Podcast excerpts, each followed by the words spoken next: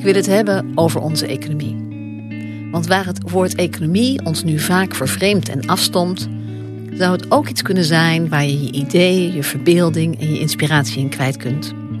Mijn naam is Grootlieve Spaas en ik ben lector Economy in Common bij Avans. En ik werk als maker in residence voor het Rabo Art Lab. In deze podcastserie ga ik in gesprek met mensen die op heel verschillende manieren te maken hebben met onze economie. Maar wat ze gemeen hebben, is dat ze gewend zijn om zich te begeven op een plek tussen kunst en ondernemen. Een tussenruimte. Dit keer is het thema geld. Hoe kan geld helpen de samenleving en de economie mooier, beter, anders en werkzamer te maken? Deze podcast maakt deel uit van een tweeluik. In deze aflevering hoor je alles over het indrukwekkende werk The Waterworks of Money. Een immens en ongelooflijk gedetailleerde verbeelding van ons financiële stelsel. Straks hoor je Martijn van der Linden, lector New Finance aan de Haagse Hogeschool, en Thomas Bolle, financieel econoom en onder andere verbonden aan Follow the Money. Maar allereerst hoor je Carlijn Kingma, kunstenaar en maker van The Waterworks of Money. Zij vertelt over haar opleiding tot architect, die niet helemaal voldeed aan haar verwachtingen.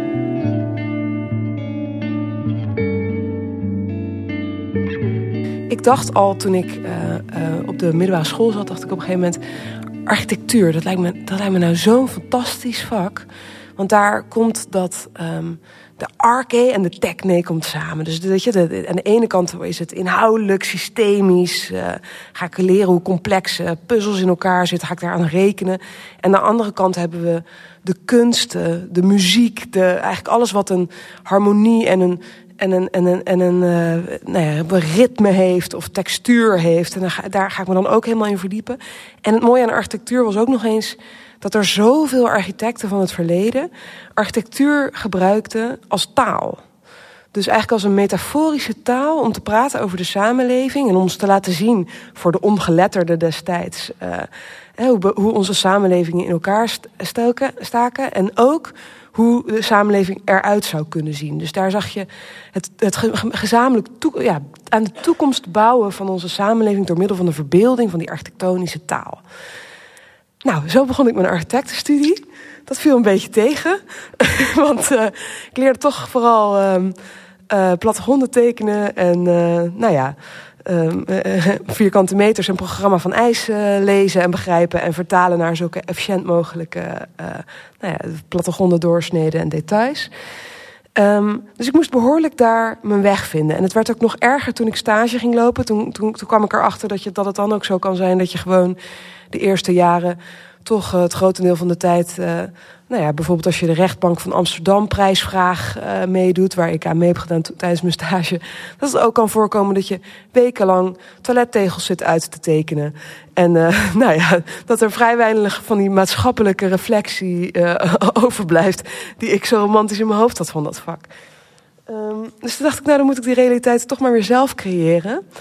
Um, en toen ben ik al tijdens mijn eh, bachelor, maar ook tijdens mijn uh, masterstudie gaan kijken... hoe kan ik nou die eeuwenoude taal die wij allemaal voelen van die architectuur weer gebruiken... om te reflecteren op hedendaagse maatschappelijke vraagstukken, zoals de economie. Um, dus hier, dit is de toren van Babel. Dat is natuurlijk weer zo'n hele oude metafoor die we allemaal kennen. Babel, we in, onze zoektocht naar de hemelen, naar steeds hoger... Uh, um, ja, verliezen we eigenlijk elkaar uit het oog. Hoog en laag verliezen elkaar uit het oog. We, gaan, we verstaan elkaar niet meer. Ba babbel, babel, daar, komt het etymologisch gezien vandaan. Babbelen. En uh, de toren valt uiteen in al die verschillende talen en in al die verschillende richtingen. Dus eigenlijk raakt het ontwricht door, ons, door die zoektocht naar de hemelen. Nou, um, ik woonde destijds in Rotterdam daar zag je eigenlijk uh, ook, nou natuurlijk de high-rise, maar die enorme versnelling van, van, van, van, ja, van de hele samenleving om ons heen. En in eigenlijk die rationaliteit en in die versnelling in die, in die economie zag je eigenlijk dat ook veel mensen. Um, de behoefte hadden om op de rem te drukken. En, en, en weer op zoek te gaan naar iets authentieks. Naar iets uh, waar we zelf aan konden bouwen. Waar we misschien zelfs in een, in een meentstructuur aan konden bouwen. Dus ik heb dit samengemaakt met Stad in de Maak onder andere. Die uh, huizen uit die al maar durende huizenmarkt, duurdere huizenmarkt probeert te trekken. En dat weer naar het collectief probeert te halen en daar gezamenlijk probeert te wonen. Dus op die manier um, ging, ik, ging, ik aan de hand, ging ik aan de slag met deze taal en die zelf ontwikkelen. Uh, ik studeerde ook af met een serie van dit soort tekeningen. Dat was ook nog even een gevecht, want ik had nul van de verplichte producten van de 50 producten die ik moest opleveren. Dus uh, uh, toen ik toch was geslaagd, moest ik dat nog wel even verdedigen aan de examencommissie. Maar gelukkig, alles gelukt, afgestudeerd. Um, en ik kon aan de slag. En ik dacht, nou, dan ga ik dus ook als cartograaf van de samenleving aan de slag. Ik um, uh, dacht, ik ga al, die grote, complexe architecturen, al die structuren van de maatschappij die we dus zo slecht kunnen zien. Zoals eh, nou, hoe het onderwijs in elkaar zit, hoe de woningmarkt in elkaar zit, hoe de zorg in elkaar zit. Dat zijn de grote structuren die bestaan uit wetten en uit bureaucratische processen en uit afspraken tussen mensen. Die ga ik in kaart brengen aan de hand van die architecturen, zodat we ons weer kunnen oriënteren in de complexiteit van deze vraagstukken. Um, en zo uh, um, uh, maakte ik onder andere, uh, kwam ik daarna bij um, de correspondent terecht. Want ik ging naar heel veel mensen brieven uitsturen. Willen jullie met mij samenwerken? Kan ik je volgen een tijd op de voet? En dan alles wat je weet vertalen naar architectonische tekeningen. In het begin dachten nog, denk ik nog wel veel mensen... Wie is dat rare meisje met die tekeningen? Maar uiteindelijk eh, kreeg ik een plek op de correspondent en kon ik daar samen met uh, Rutger Bregman werken aan een grote kaart. Hiervoor had ik ook een aantal andere kaarten gemaakt. En daar zag je al dat dat, dat, dat onderzoek, uh, dat ik daar steeds meer ruimte voor begon te krijgen. Dat ik steeds beter leerde hoe je door die kaarten mensen mee kon nemen in die verhalen. Hoe je aan de hand van die metaforen ook steeds meer dingen kon vertellen. Bijvoorbeeld als we naar onze samenleving kijken in termen niet van een machine, dus waarin alles op rolletjes moet lopen, waarin we bij moeten tanken, waarin het een geoliede machine zijn met elkaar, maar in termen van organismen. Dus dat je gaat kijken dat er organisaties eigenlijk de organen zijn, waarbinnen het weefsel wat moet samenwerken, het samenwerkend weefsel tussen de mensen is. En waarbij oneindige groei dus ook automatisch een vorm van kanker eigenlijk wordt. Uh, uh, wat er dan gebeurt met hoe je dan ook naar de inrichting van dat soort organisaties gaat kijken. Uh, maar bijvoorbeeld, dus als je dat verder doortrekt, dan zie je ook dat wanneer je steeds verder processen uh, automatiseert zonder de, en ook de weerstand van buiten. parallel werd er ook onderzoek gedaan naar de toeslagenaffaire. Daar kwam dat voorbeeld natuurlijk ook een beetje vandaan. Steeds meer processen automatiseert. De afstand tussen de top en de, en de bodem steeds groter maakt en steeds minder feedback loops daartussen creëert. Eigenlijk alle vormen van weerstand ook uit zo'n organisatie houdt. Als je dat vertaalt naar bijvoorbeeld weefsel, naar organismen. Uh, dan krijg je uh, nou ja, bijvoorbeeld een been wat, je, wat misschien in eerste instantie uh, gebreken heeft, wat je vervolgens gaat spalken. Die proces ga je spalken. Maar als je die spalken niet weghaalt, krijg je natuurlijk ernstige vormen van spierartrofie. Wat ook een soort verslapping van dat weefsel is. En dan, herstel, dan krijg je geen resilience meer in je, in je organisaties. Um, dus zo gingen we door allerlei van dit soort voorbeelden uh, heen.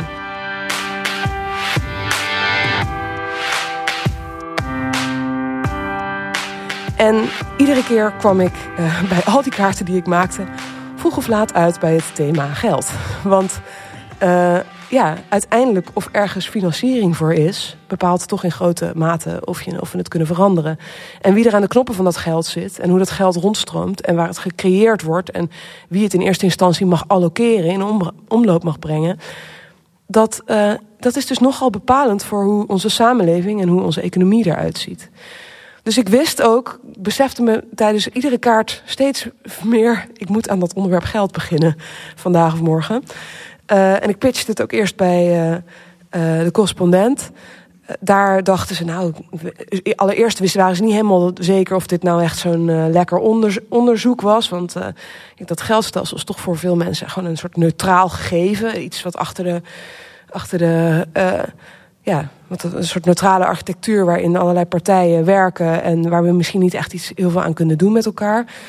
En um, bovendien zei Rob ook tegen mij, Rob Wijnberg zei ja, ik heb bij jou altijd het gevoel dat als ik jou vraag waar het dichtstbijzijnde tankstation is, dat ik dan de hele geschiedenis van olie eerst moet doorploeteren van jou. Dus ik zeg, Rob, je wilt toch, je wilt toch voorbij de waan van de dag? Dit is het, weet je. En, uh, maar niet zo ver voorbij van de, de waan van de dag, kennelijk. Dus ik moest op zoek naar andere mensen. Allereerst uh, noemde ik in de krant uh, dat ik uh, na, voor een interview voor een andere tentoonstelling van nou, het volgende project gaat denk ik over geld. Nou, binnen, binnen ik denk twee weken of een maand had ik Verlie in mijn inbox en aan de telefoon. Nou, dan kan je wel een residentie bij de Rabobank komen doen. En toen moest ik dus ook echt. toen, toen lag het vast, toen moest het ook echt. Uh, en dat was fantastisch. Want daar konden we dus uh, ja, twee jaar lang eigenlijk rondlopen met iedereen in gesprek. En ik moest ook op zoek naar twee andere partners. Uh, ze werden net al even genoemd. Thomas Bolle en Martijn Jeroen van der Linden. Um, ik begin ieder project, of ik, ergens tijdens een project, maak ik een zelfportret. Hier zag je, zie je mij ook liggen met de honderden titels voor het werk en de schetsen en de halve boterhammen en, en de honderden schetsen die we hebben gemaakt en proppen papier. Maar vooral ook daarachter het doolhof van de literatuur en de theorieën en de, de adviseurs waar je een weg door moet banen. Als je probeert deze wereld in kaart te brengen. Um, dus Martijn en Thomas werden mijn gidsen. Daar zie je Martijn. Is lekker met zichzelf in gesprek. Hij heeft allemaal praatpoppen. Uh, nu zit hij met in, in, in, zijn hoofd een discussie te houden met Stephanie Kelten in zijn ene hand en Janus Varoufakis in de andere. Met een, met, een, met, een, met een wijntje erbij. En daarnaast hangen alle andere adviseurs die hij ook al talloze keren heeft gesproken. gesproken. En achter in het doolhof dwaalt uh, um, Thomas Bolle, uh, onderzoeksjournalist. En um, die ook continu bezig, maar, maar, maar blijft graven in dat gigantische doolhof van die financiële wereld. En allebei hebben ze gemeen dat ze naar dit onderwerp kijken, en dat is zo essentieel, met de samenleving centraal. Dus wat niet, kijk, die wereld op zichzelf is interessant. Je kan het hebben over hoe bizar het is wat er gebeurt op de beurzen en die cultuur die daar heerst. Maar die wereld staat helemaal niet los van onze economie en onze samenleving. En dat is waar zij zich altijd op hebben ingezet. Wat is nou het gevolg van de manier waarop we dat geldstelsel hebben ingericht met elkaar? Op onze samenleving, op onze toekomst, op onze economie, op duurzaamheid, op ongelijkheid. En dat is, nou ja, dat is best. Uh, um, uh, nou, dat was even zoeken voor, voordat je die mensen vindt. Um, en ik ging ook kijken naar de, naar de cartografen en de architecten en kunstenaars van het verleden. Um, daar zie je hem dus al hangen, Jost Amman. Dit is een houtsnede uit de 15e eeuw. Waarbij uh, Jost Amman al zegt, we moeten dat geldstelsel begrijpen. Centraal uh, staat de bron van het geld. Dit werk heet de Allegory of Trade. En hij vertelt, in het, in het centrum staat die bron van dat geld. En eigenlijk hoe we dat organiseren, uh, ja, dat kan tot voorspoed en tot tegenslag leiden. En uh, kijk daarnaar, kijk naar die bron. En hij vertaalt het al als water waterwerk van ons geld. Dat is natuurlijk heel mooi. Hij gaat al aan de slag met die metafoor. Uh, en dat is ook niet zo gek, want dat zit namelijk volledig in de manier waarop wij ook nu nog over geld praten. We hebben het over geldstromen, we hebben over het, uh, het zwemmen in het geld, het klotst tegen de plinten, we hebben het over Um, verdampen van fortuinen, het bevriezen van onze tegoeden over de, de trickle-down economy, financiële droogte, liquiditeit, pooling of assets. Weet je, het, het gaat maar door. Je denkt, is die meid al klaar, maar het gaat maar door. Dus we hebben het eigenlijk altijd al, omdat het zo onzichtbaar en complex is, hebben we het over, eh, praten we in die termen van die metafoor. Dus dat werd ook de metafoor waar wij in, verder in onderzoek gingen doen. Uh, Jos de Man zei ook, zei ook tegen ons. Uh, Kijk goed naar je bankiers. Het zou handig zijn als ze drie eigenschappen hebben: integritas, uh, integriteit, taciturnitas, soort ingetogenheid en uh, talenkennis. Want in die taal zien we ook dat sociale karakter: krediet, credere, vertrouwen, interest, interesse, relatie, geld, guild, gilde, broederschap. Het, zijn, het, zijn, het is een sociale architectuur. Het is een architectuur van afspraken. En die kunnen wij dus ook met elkaar bepalen. Um, een ander werk wat je daar zag hangen was dit fantastische schilderij van um, The Bank of England. Waarbij wederom de boodschap is: sla het dak eraf en kijk achter de gevels in de machinerie van hoe die instituten eruit moeten komen te zien. We voters need to tell our politicians which kind of central bank we want. En uh, daaronder, bank, bankers are simply the most highly paid civil servants. Even een omdraaiing van de vraag: wat zijn bankiers eigenlijk? Wat, wat, ben je eigenlijk op het moment dat je, zo'n, dat je aan de kraan zit, dat je het geld mag creëren, mag allokeren hè? Uh, voor onze samenleving? Als je die grote, dat grote privilege eigenlijk toegekend hebt, wat ben je dan voor ons? Um, we gingen op reis naar alle uithoeken van de financiële sector. Heel veel natuurlijk binnen de bank. Dat is een grote speel. Je ziet ons daar de tekeningen naar binnen dragen. En uh, oneindig in gesprek aan de hand van die metafoor. Dus nee, we gaan niet... Nee, ik snap dat je over de balans wil praten. Maar vertel me nou eens even waar het binnenstroomt. En waar het dan... Hoe stroomt het dan rond? En dan... Oh, oh dan moet iedereen toch ook weer even opnieuw nadenken. En dan...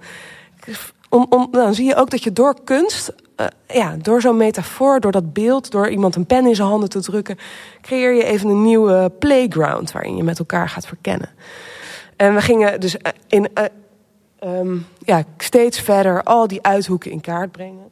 de politiek is natuurlijk een belangrijk onderdeel daarvan. We mochten het project terugkoppelen aan Kaag en haar interviewen een aantal weken geleden. Um, en ja, om nog even terug te komen op die. We gingen, we gingen dus al die uithoeken in en die muur met schetsen, die groeide en groeide. Dus een kleine selectie. Um, de, welke regionen dat zijn, daar zullen Thomas en Martijn jullie ook zo uh, mee doorheen nemen. Um, en ja, dat was dus een proces van eerst informatie verzamelen. Want je hebt dus al die mensen die heel expert zijn op een klein stukje. En misschien nog net twee, één of twee deuren verder iets kunnen zien, maar daarna het een beetje uit het oog verliezen. Dus het is ook het is een grote kaart geworden waarbij we al die kennis bij elkaar moesten brengen en dat allemaal aan elkaar moesten linken. En op die manier weer daar, uh, ja, dat weer terug konden koppelen en dan de grotere eigenlijk bewegingen eruit konden halen. En 2230 uur tekenen later was het werk klaar. En Thomas en Martijn uh, willen jullie nu graag meenemen naar een, een vergroting van het werk die daar in de zaal hangt.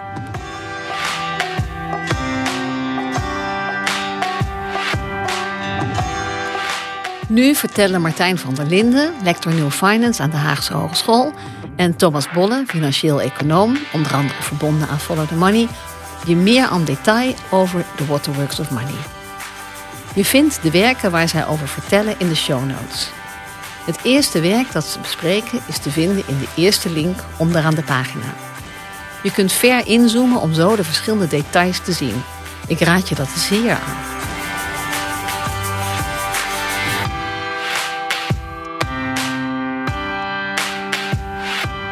Dus dit is een vergroting van het waterwerk van ons geld. Dus het origineel heeft lang in het Kunstmuseum Den Haag in het Rijksmuseum Twente. En dit is dus een vergroting.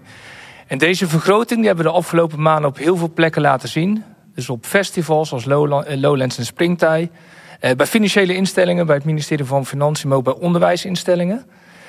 En wat we zo gaan doen is de mechanismes uitleggen. Dus wat we in het project hebben gedaan, de relatie tussen het geldstelsel en de maatschappij in elkaar gebracht. En dan vooral gefocust op het probleem van ongelijkheid. Dus hoe draagt het geldstelsel bij aan ongelijkheid in de maatschappij? Eh, daar gaan we zo op in, maar eerst even wat zie je nou op deze kaart? Dus in de midden, in de midden staat de toren van de maatschappij. Met onderin de grote bakken geld, de vermogens, de rijke bedrijven, de rijke mensen. Eh, en onderin de mensen met minder geld. Dus de toren van de maatschappij in het, in het midden. En daaromheen zie je alle financiële instellingen, alle instellingen die over het geld gaan. Waar ik sta, eh, linksboven de commerciële banken, midden financiële markten, rechts de grote watertoren is de centrale bank. Dan naast Thomas is de politiek, dus die richting geven aan het ontwerp of het design van het, uh, van het geldstelsel. Dan rechtsonder is de Belastingdienst, dus naar ware grootte Nederland is het weergeven. Dan hier linksonder de het pensioenstelsel. En ook deze potten zijn op ware grootte voor Nederland. En hier links is het economieonderwijs. Dus waar we mensen leren nadenken over de economie. En wat we dus met dit project hebben gedaan, is als je naar de literatuur kijkt, worden heel veel problemen worden aan het geldstelsel gelinkt. Nou, instabiliteit is natuurlijk een bekende. Uh, ook het gebrek aan verduurzaming of de financiering van verduurzaming is een bekende. Wij hebben er dus heel expliciet voor gekozen om ongelijkheid centraal te zetten. Dus op welke manier draagt nou mechanismen in het stelsel dragen bij of vergroten ongelijkheid? En we hebben zes mechanismes die we even willen gaan toelichten. En Thomas mag de eerste. Ja, oké. ja, en dit is ook nog. Uh, hier zie je een uh, leeg kamertje. Dit is dus. Uh, toen was de kaart nog niet klaar, maar we stonden al wel op Lowlands. Dus toen hebben we deze laten uitvergroten. Inmiddels is dit ook een prachtige ontwerpkamer voor de Central Bank Digital Currency. De nieuwe digitale euro die eraan komt. Um, maar die moet je dus ergens anders gaan bekijken. Um, ja, dus de, dus de samenhang van die verschillende onderdelen van het stelsel, die hebben we hier ook uh, echt uh, gevisualiseerd. En dat water, wat hier door al die kanalen stroomt, dat is, je ziet overal kanalen. En dat water, dat is, staat dus, uh, dat is het geld in onze samenleving. En je ziet ook overal waar je kijkt, in, aan de bovenkant van de samenleving zijn het allemaal brede kanalen en daar stroomt het lekker makkelijk rond. En aan de onderkant daar zijn het kleine druppeltjes die nog uh, doorkomen. En worden die uh, kanaaltjes steeds kleiner. En zie je ook op plekken waar het wordt weggepompt, het geld. Het eerste mechanisme. Dat is daar bij Martijn. Um, ja, je moet het maar eventjes goed aanwijzen. Dat is, uh, dit is eigenlijk de, de, de toegang van de samenleving naar de bankaire sector. En je ziet al aan die bovenkant, daar, daar is een breed kanaal. En dat loopt naar de grote bedrijven toe. En daar aan de bovenkant zitten mensen met vermogen. En als je een groot bedrijf bent, dan kun je makkelijk een lening krijgen. En dan betaal je vaak uh, niet zo hoge rente, want je bent zeer kredietwaardig. Datzelfde geldt voor uh, personen met veel vermogen. Als je naar de bank gaat en je kunt laten zien dat je veel verdient en dat je veel assets hebt, dan kun je tegen goedkope tarieven kun je lenen. Zit je daarentegen aan de onderkant van de samenleving en heb je laag inkomen, dan uh, als je al een lening überhaupt krijgt, dan betaal je veel hoger tarief en betaal je dus meer. Als je daarover gaat nadenken, dan is dat op zichzelf dus al een mechanisme waardoor de mensen die het minste hebben en die geld nodig hebben, die moeten dus altijd daar meer voor betalen. Uh, terwijl, uh, ja, als je een groot bedrijf bent, dan heb je dus al een, een voorsprong ten opzichte van ook een MKB'er. Uh, want die, die gaat een lening vragen en die betaalt daar snel 8, 10 procent voor. Terwijl als groot bedrijf heb je zelfs jarenlang eigenlijk bijna tegen 0% kunnen lenen. En heb je dat geld voor je kunnen laten werken. Dus dat is die toegang tot liquiditeit en die ongelijke toegang, dat is het eerste mechanisme waarvan we hebben geïdentificeerd. Van, nou, dat eigenlijk in het stelsel, zo werkt het. En dat draagt bij aan die, aan die ongelijkheid. Yes, en dan het, tweede mechanisme hebben we genoemd private winsten, publieke lasten. Uh, dus je ziet uh, hier, um, komen publieke instellingen of publieke mensen komen met infusen naar de, naar de, naar de commerciële banken toe lopen. Dus in het geval van een crisis bij een bank, dus als er iets gebeurt wat ze niet hadden verwacht, maken ze verliezen. Daarmee dreigen ze instorten en moeten die banken worden gered door ons allemaal, omdat anders ons geldstelsel instort. En dat is de afgelopen nou ja, 100, 200 jaar diverse keren gebeurd. En daarmee wordt uiteindelijk ook ons geld uiteraard gered, maar daarmee worden ook bestaande vermogens en bestaande ongelijkheden worden in stand gehouden. Dus wat je natuurlijk idealiter in een markteconomie is, als je risico neemt, je schat is verkeerd in en het gaat fout, dan verlies je. En gaat het goed, nou, dan win je. Maar dus met dat, bij dat bankaire gedeelte van het stelsel is het eigenlijk keer op keer dat die, ja, die verliezen moeten publiek worden genomen, terwijl die winsten in de jaren daarvoor zijn geprivatiseerd. Die zijn bij private partijen terechtgekomen. En dat zorgt er dus voor dat die ongelijkheid daar, of die vermogensongelijkheid, ook in stand wordt gehouden. En dan het derde mechanisme, die heeft met de centrale bank te maken. Uh, dus wat Carlijn heel mooi heeft gevisualiseerd, heel sterk. Er lopen vier kanalen uit de centrale bank daarboven. Zie je die, de watertoren, dat is eigenlijk de centrale bank. En die zorgt voor de waterdruk in het systeem. Juist, en er lopen vier kanalen uit en twee functioneren er. Dus de eerste die loopt achterlangs naar de private banken toe.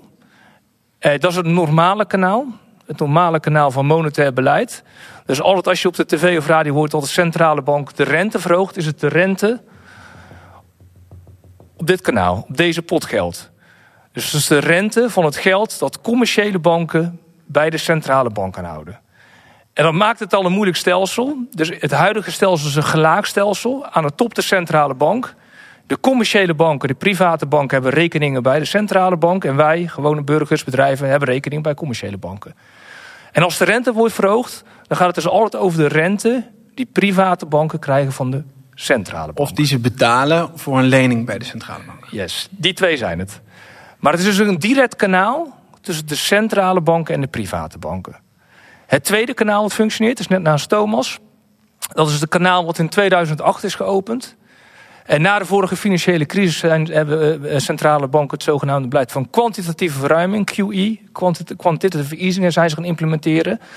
Dus uh, private banken creëerden eigenlijk minder geld, of de geldhoeveelheid zakte terug. En toen zijn centrale banken zelf geld gaan creëren.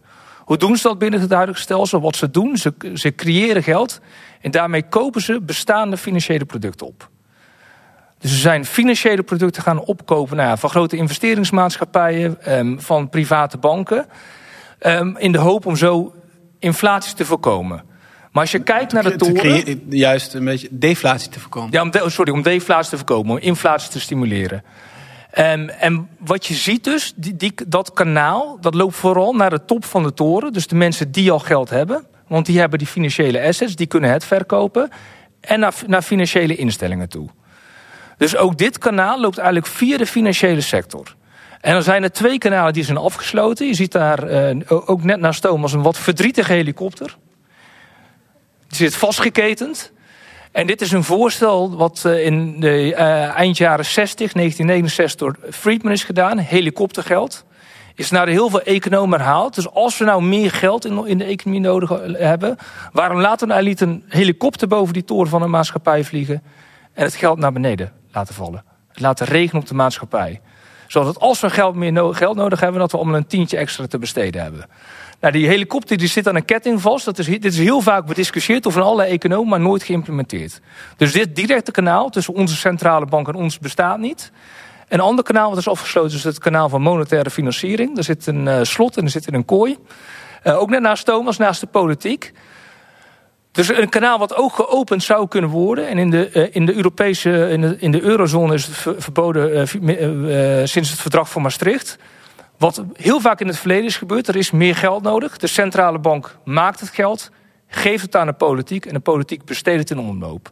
Bijvoorbeeld door windmolens te bouwen, wegen te bouwen, scholen, scholen neer te zetten. Dat geld zou zo in omloop kunnen komen, maar dat gebeurt dus niet meer. Dus je ziet dat mechanisme van die centrale bank. Twee kanalen werken en die kanalen lopen dus naar de private banken en naar financiële instellingen. En de kanalen die direct met de maatschappij of direct naar de politiek lopen, die zijn afgesloten, die functioneren niet. En daardoor kun je ook zeggen dat dat instrument van die centrale banken, die, die houden eigenlijk, dragen eigenlijk voortdurend bij aan eh, vooral vermogensongelijkheid.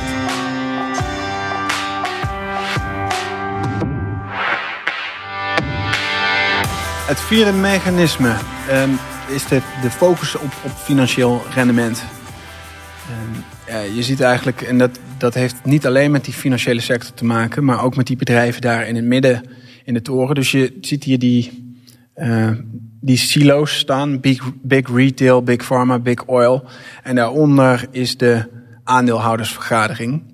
En dat, de aandeelhouders zijn uh, de mensen die een stem hebben uh, als het over de grote beslissingen gaat. Dus het management stelt iets voor en de aandeelhouders mogen daarover stemmen. Um, en de, gewoon de afgelopen uh, tien jaar, wat, wat voor beslissingen zijn daar nou uitgekomen? We hebben het, ik, ik zie hier, als ik hier rondloop, zie ik ook heel veel slogans. Hè, van we moeten anders naar de economie kijken. Uh, we moeten de, de, meer aan de mensen denken of aan de samenleving, aan de natuur of aan de werknemers. Nou, de afgelopen tien jaar is er gewoon gestemd om um, meer geld uit te keren aan de aandeelhouders zelf. Dus in 2020 en 2021 waren twee recordjaren wat betreft uh, dividenduitkeringen. Dus de uh, beloning voor de aandeelhouders. Dat is op zich ook, dus heeft heel erg te maken met die structuren uh, en de zeggenschap, de formele zeggenschap. Want veel bedrijven hebben wel een, ja, hebben purpose op een slogan op een gevel staan. Maar als het puntje bij paaltje komt, worden die beslissingen uh, genomen. En eigenlijk dat, dat geld waar Martijn het over sprak, dus het uh, goedkope geld wat in de afgelopen tien jaar de economie in is gegaan, is dus uh, terechtgekomen bij, veel, bij die grote uh, corporates. Want die konden heel goedkoop lenen. En hun, ja, daardoor hebben zij dus veel meer geld gekregen. Nou, waarvoor hebben ze dat nog meer gebruikt? is het terugkopen van de eigen aandelen. Dat, dat, daar waren 2020 en 2021 ook recordjaren voor. nog nooit zoveel eigen aandelen teruggekocht. Dat betekent dat je dus dat bedrijf leent heel goedkoop geld en gebruikt dat om uh, die aandelen op de beurs te kopen. Dan gaat de aandelenkoers verder omhoog en zijn het opnieuw de aandeelhouders die daarvan profiteren. Dus het idee ook uh, dat dat geld vervolgens wordt geïnvesteerd en dat er nieuwe banen worden gecreëerd of dat de lonen omhoog gaan, dat is in de praktijk uh, niet gebeurd. Dus dat is ook weer een mechanisme wat ja, die ongelijkheid vergroot. En het derde, wat, wat ook heel veel is gebeurd de afgelopen jaren, is dat er andere bedrijven zijn overgenomen. Dus als je heel goedkoop kunt lenen, dan kun je ook je competitie overnemen. Dus er zijn heel veel fusies en overnames geweest. dus dat is het derde ja, het doel waar heel veel van het geld in terechtgekomen is. Het, het, M&A deals. En die focus, ja, die, die hebben we ook heel erg gevisualiseerd. Dat dus dat geld blijft dus daar rondgaan in die uh, bovenkant van de samenleving. En dat zie je hier ook gevisualiseerd. Dus je hebt twee van die ringleidingen om dat bovenste stukje van die toren lopen. Eentje daarvan heet de Steady Stream of Debt. Dat is dus dat goedkope geld wat geleend kan worden aan de bovenkant van die samenleving. En dan heb je de lazy river of investment. Want dat geld, dat wordt dus niet gebruikt om uh, meer banen te creëren en, en die lonen te verhogen, dat het naar beneden toecijpelt. Maar het gaat naar achteren, naar die financiële markten, waar het dus ook rond kan gaan. En uh, daar zie je ook, je ziet daar bijvoorbeeld van die staven met, met van die ballonnen die eruit komen. Dat, is de visualisatie van hoe uh, er bellen worden geblazen. Dus op papier ontstaat er heel veel waarde. Maar op het moment dat, het, uh, ja, dat, dat, dat de muziek eigenlijk uitgaat, dan stort die waarde ook weer in. Dus dat is heel erg een, een ja, fictief iets. Maar het is echt. Je kunt het gebruiken tot dat moment dat die, uh, dat die crisis uitbreekt en die bellen weer knappen. Ja, en hier is ook nog iets historisch belangrijk. Dus als je naar die kaart kijkt, dan voelt het een beetje dystopisch aan. Dus de toren is best wel klein in vergelijking met de financiële wereld. En de afgelopen 40 jaar is het ook zo dat de financiële markten, de financiële wereld, dus 3,5 keer zo snel groeit als de reële economie. Dus je ziet een uitdijend financieel systeem met een focus op financieel rendement, terwijl die toren wel groeit, maar niet zo hard als de wereld eromheen. Dus die focus op financieel rendement zit in die toren, maar ook in die wereld eromheen, die dus steeds groter wordt. En dan het vijfde mechanisme zit onderin, gaat over de Belastingdienst. Uh, hebben we genoemd sterkste schouders, de lichtste lasten. Dus wat blijkt natuurlijk als mensen die in de top zitten, of grote bedrijven die in meerdere landen vestigingen hebben, die zijn veel beter in staat om gebruik te maken van verschillende belastingregels, van verschillende wetgevingen.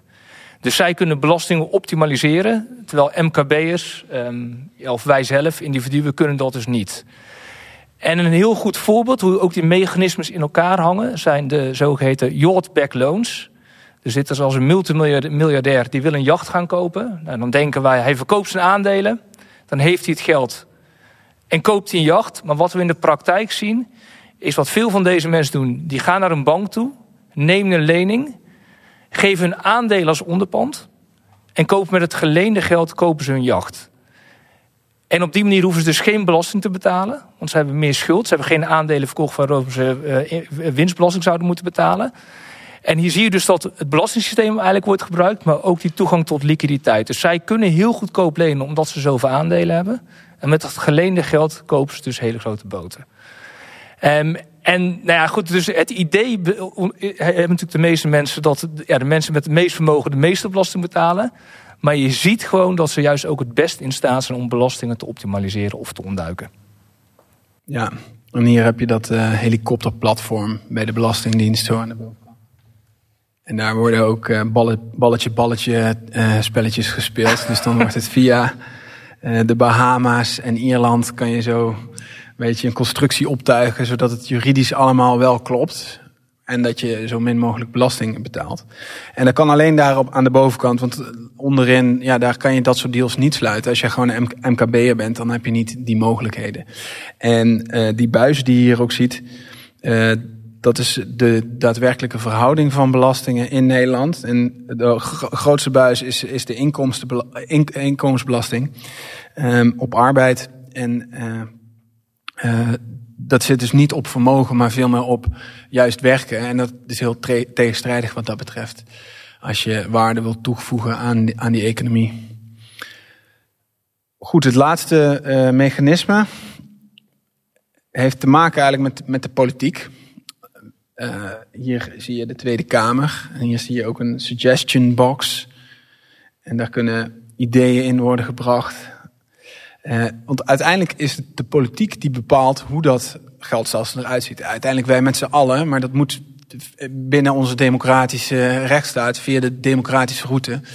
En daar heb je dus ook politici nodig die zeggen, nou, dit is wat het uh, stelsel uh, moet doen. En daar past ook een bepaalde architectuur bij. Want dit geheel van buizen en kanalen, dat hele stelsel, dat is uiteindelijk een, een menselijk ontwerp. Dat zijn juridische afspraken en uh, inrichtingen die we met z'n allen bepalen. Alleen wat, wat, wat in alle gesprekken die we hebben gevoerd naar voren komt, is dat overal zitten mensen bij grote financiële instellingen binnen uh, de Belastingdienst, bij de centrale bank, die willen dit stelsel verbeteren. Alleen die lopen uh, tegen allerlei uh, muren aan. Het is heel moeilijk om dat stelsel als geheel te verbeteren vanuit die verschillende posities, want het vereist samenwerking en verschillende delen van het stelsel hebben met elkaar te maken. En wat, wat er heel veel gebeurt, is dat er toch om die stap te nemen, verantwoordelijkheid te nemen van wij zijn onderdeel van het geheel, die uh, is heel erg moeilijk. Dus wat er veel gebeurt, is dat er naar elkaar wordt gewezen van ja, eerst moet, eerst moet eigenlijk een andere speler moet gaan bewegen en dan kunnen wij pas volgen. En ja, een van de grote voorbeelden is bijvoorbeeld uh, dat bijna alle bedrijven willen nu iets met duurzaamheid. Staat ook op, op de gevel. Alleen als je naar beleid gaat kijken waar daadwerkelijk in geïnvesteerd wordt, komt dat heel vaak niet terug. En dan het argument is ook van ja, als wij dat niet doen, dat doen onze concurrenten het. Dan gaan die meer verdienen, worden die groter en duwen ze ons uit de markt. Dus wij kunnen niet anders. Dat, dat zie je bij het bedrijfsleven. Bij de overheid wordt juist gezegd, ja, maar wij kunnen niet alles gaan, gaan uh, inkaderen en precies gaan verbieden. We verwachten ook dat het bedrijfsleven initiatief En dat de bank zelf de, bijvoorbeeld de eerste stap zet. En zo blijft iedereen zitten waar die zit. En is die beweging heel erg moeilijk eh, in gang te zetten.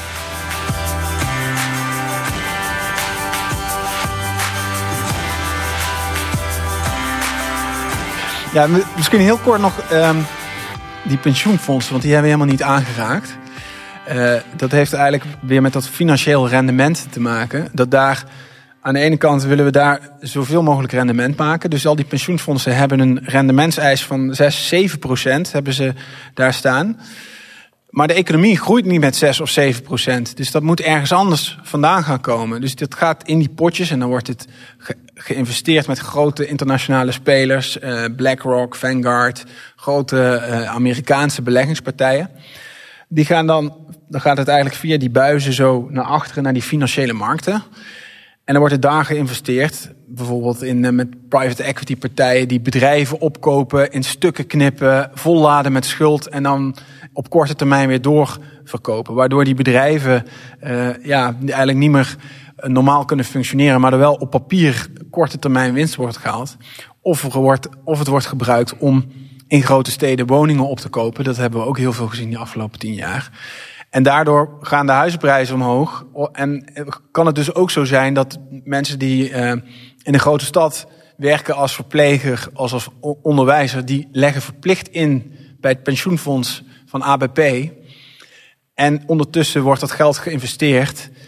En dan gaat het via die Amerikaanse partijen, worden daar in jouw buurt de huizen opgekocht en gaat jouw huur omhoog om eigenlijk aan je eigen pensioen bij te draaien, dragen. Dus zo zie je dat het hele stelsel met elkaar uh, verweven is. En dat je dus ook verplicht tegen jezelf aan het wedden bent eigenlijk. En dan is de vraag, uh, kan het anders? En dat gaan we aan de andere kant doen.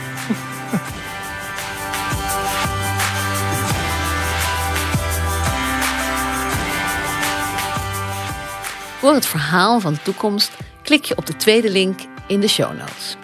Hier vind je de drie utopische toekomstscenario's die Martijn, Thomas en Carlijn bespreken. Ze bespreken de beelden in de volgorde van de links.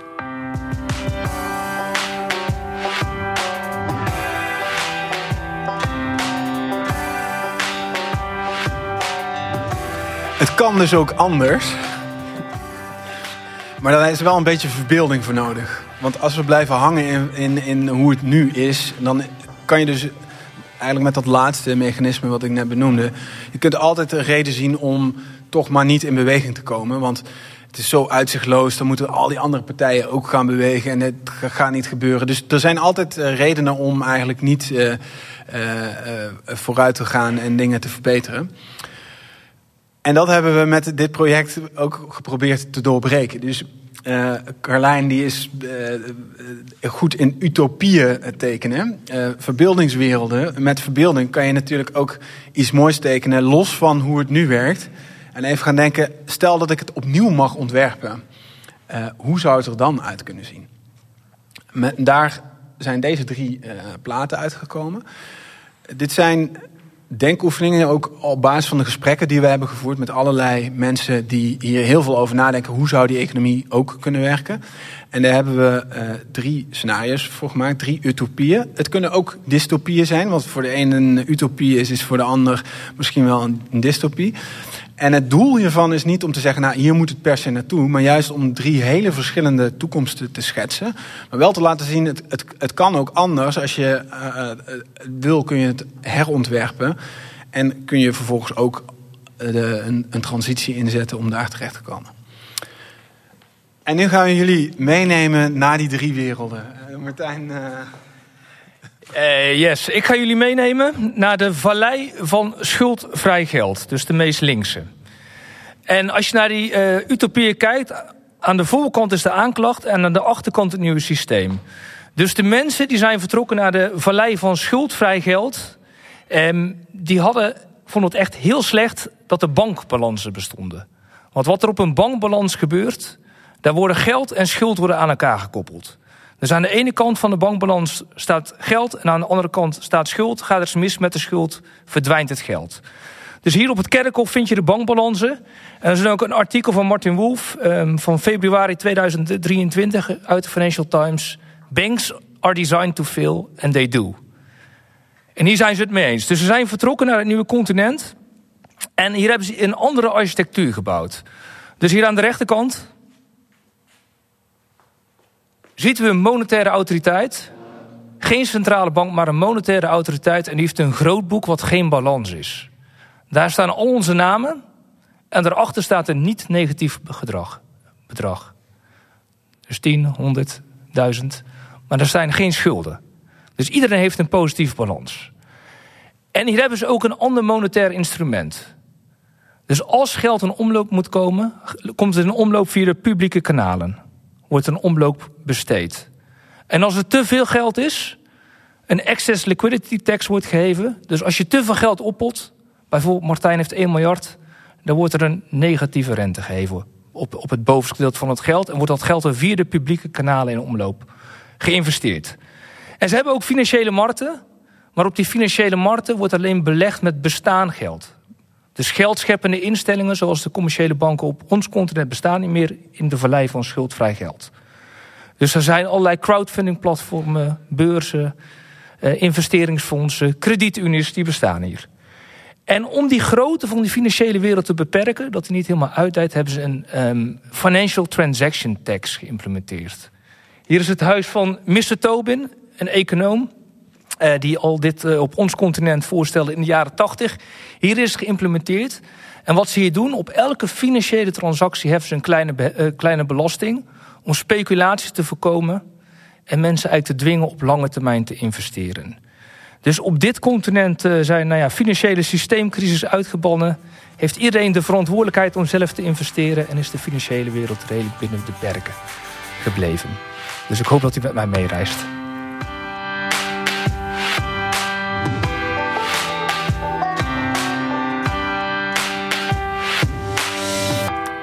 De burgers van uh, de agora van het democratische geld...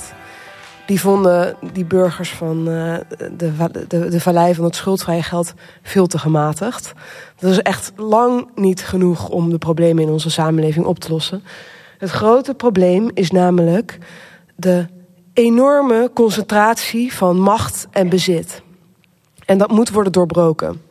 Want dat wordt alleen maar erger op het moment dat dat, dat, dat verschil zo groot is. Dat miljard van Martijn, kom je erbij. Um, dus zij hebben een wereld gecreëerd met elkaar... waarin macht en kapitaal daadwerkelijk weer uh, gedemocratiseerd uh, zou worden. Um, Hieronder zie je uh, een heel, heel erg populair bestemmingsuitje voor bedrijfsuitjes. Namelijk de ruïne van de commerciële banken, van de megabanken die we hadden. En de megabedrijven. Rest in pieces staat er. Dus uh, in, in, in, in, in honor of the dissolution of corporate power. Um, we zien ook een uh, graveyard daarvoor met alle, al die logo's van al die megabanken en die megacorpus. Die zijn allemaal opgeknipt. We, zien een, we, zien een, we zien een borstbeeld van Tina van Thatcher. there is no alternative. Yes, there is an alternative. En daarvoor zie je ook de, de kasboeken met de zwarte gaten vol met schuld gepompt. de kasboeken van de, van, de, van de banken. Waarmee ze dus die samenleving helemaal hebben overspoeld met problematische schulden. Wat, de, wat ze hebben bereikt is dat um, um, we niet alleen al het kapitaal weer democratisch met, met, goed gingen verdelen met elkaar en in gezamenlijk bezit uh, gingen houden, maar ook um, de macht. Dus we, gaan, we gaan weer op, opnieuw alle bedrijven die gaan worden ingericht volgens de one person, one vote, one share structuur. Dus als je ergens werkt, ben je ook meteen aandeelhouder. Die zijn niet verhandelbaar. En uh, ja, je, we beslissen met elkaar hoe we dat bedrijf gaan runnen. Waardoor bedrijven ook niet zo gigantisch groot uh, uh, worden met elkaar. Dus die splitsen continu op en die werken in grotere ketens met elkaar samen. En daar is veel meer, veel meer verandering in. Um, in het midden zien we de bron van het geld. Die staat natuurlijk in het centrum van deze agora. Uh, want ook de alle belangrijke publieke in, in, infrastructuren, ja, daar besluiten we democratisch met elkaar over. Dus hoeveel geld er gemaakt moet worden, hè, hoeveel geld we samen en, en hoe we dat vervolgens dus ook allokeren. En misschien moeten we dat ook wel dus via al die kanalen, uh, ja, over al die burgers democratisch eerlijk verdelen. Hè. De geldscheppingswinst is niet voor de private banken. Uh, niet voor de overheid, maar voor ons allemaal. Um, wat we ook zien is dat uh, doordat die aandelen niet meer verhandelbaar zijn, um, verandert er natuurlijk ook iets, eh, verandert ook die hele uh, financiële sector. Dus we zien eigenlijk um, daarachter die neergetrokken hoge gevels van die oude financiële sector. En daarachter zien we de ruïne nou ja, onder andere van de, van de beurs. Want de, de, aandelen zijn niet meer verhandelbaar. Um, en hele grote andere gede gedeeltes die langzaam in verval zijn geraakt. En doordat, uh, nou, wat je net al hoorde over dat goedkope geld... doordat hij de afgelopen tientallen jaren met zoveel goedkope... enorme bergen liquiditeit overspoeld is... is dat een prachtig biodivers park geworden met hele bijzondere, uh, ja, hele bijzondere natuur die we al heel lang niet meer uh, hebben gezien. En dus de perfecte plek voor een zondagmiddagwandelingetje.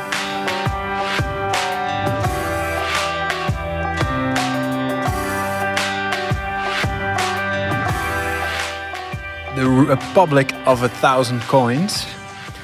En in de mensen die naar dit continent zijn gegaan, die zeiden ja, dat is een heel ander probleem. Het probleem ligt bij de overheid. Want die heeft ervoor gezorgd dat die banken zo ontzettend groot zijn geworden. Door ze telkens maar te redden. En ja, dan weten ze dat ze, dat ze gewoon uh, al die bandpraktijken konden, konden doen en steeds groter zijn gegroeid. Uh, en dat zie je hieronder afgebeeld, hier vooraan. Al die domino-steentjes, ja, daar stonden ze met z'n allen. En telkens als er weer eentje dreigde om te vangen, vallen... dan uh, kwam er weer een lifeline vanuit de overheid. Dat moeten we dus niet meer hebben. Want als die garanties er niet meer zijn... dan gaan bedrijven zich ook verantwoordelijker gedragen.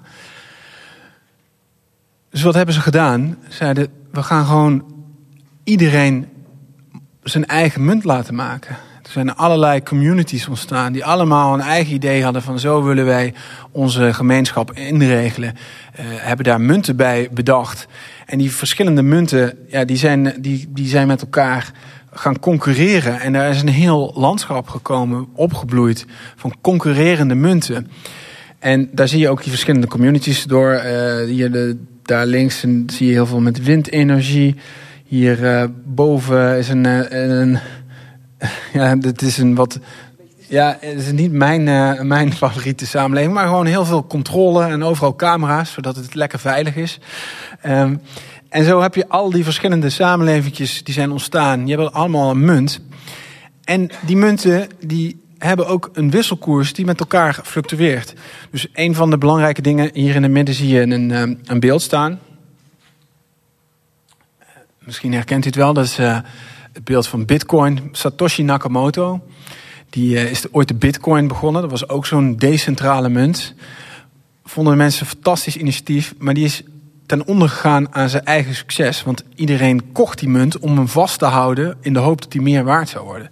En dat is niet waar geld voor bedoeld is. Geld moet rollen. Dit is om die economie te op te laten draaien. Uh, ja, dus die bestaat niet meer. Maar er is een andere slogan gekomen, namelijk never hodl. Want hodl, hold on for dear life, dat was de lijfspreuk van de bitcoiners. En de mensen in deze republiek dachten, nee, je moet dus juist nooit uh, die munt vasthouden. We gaan hem juist besteden. En er staat ook always diversify.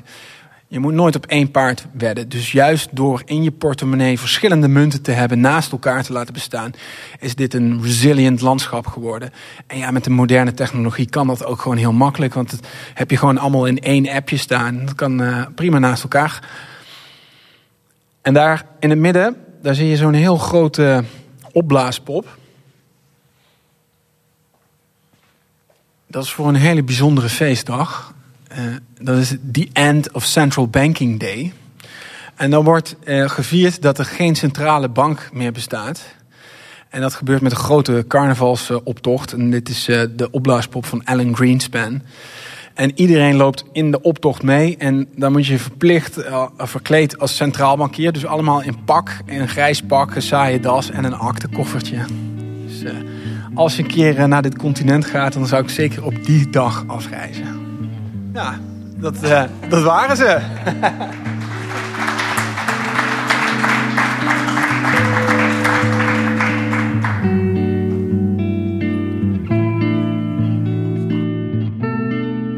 Dit was de reis door de huidige wereld van het geld en de drie utopische toekomstscenario's van hoe ons geldstelsel eruit zou kunnen zien. Met dank aan Carlijn Kingma, Martijn van der Linden en Thomas Bolle. Dit is deel 1 van een tweeluik over de vraag van wie is de economie. In deel 2 ga ik in gesprek met Carlijn, Martijn en Denise Harleman, kunstenaar en oprichter van het collectief Kapitaal. Voor nu dank voor het luisteren en graag tot ziens.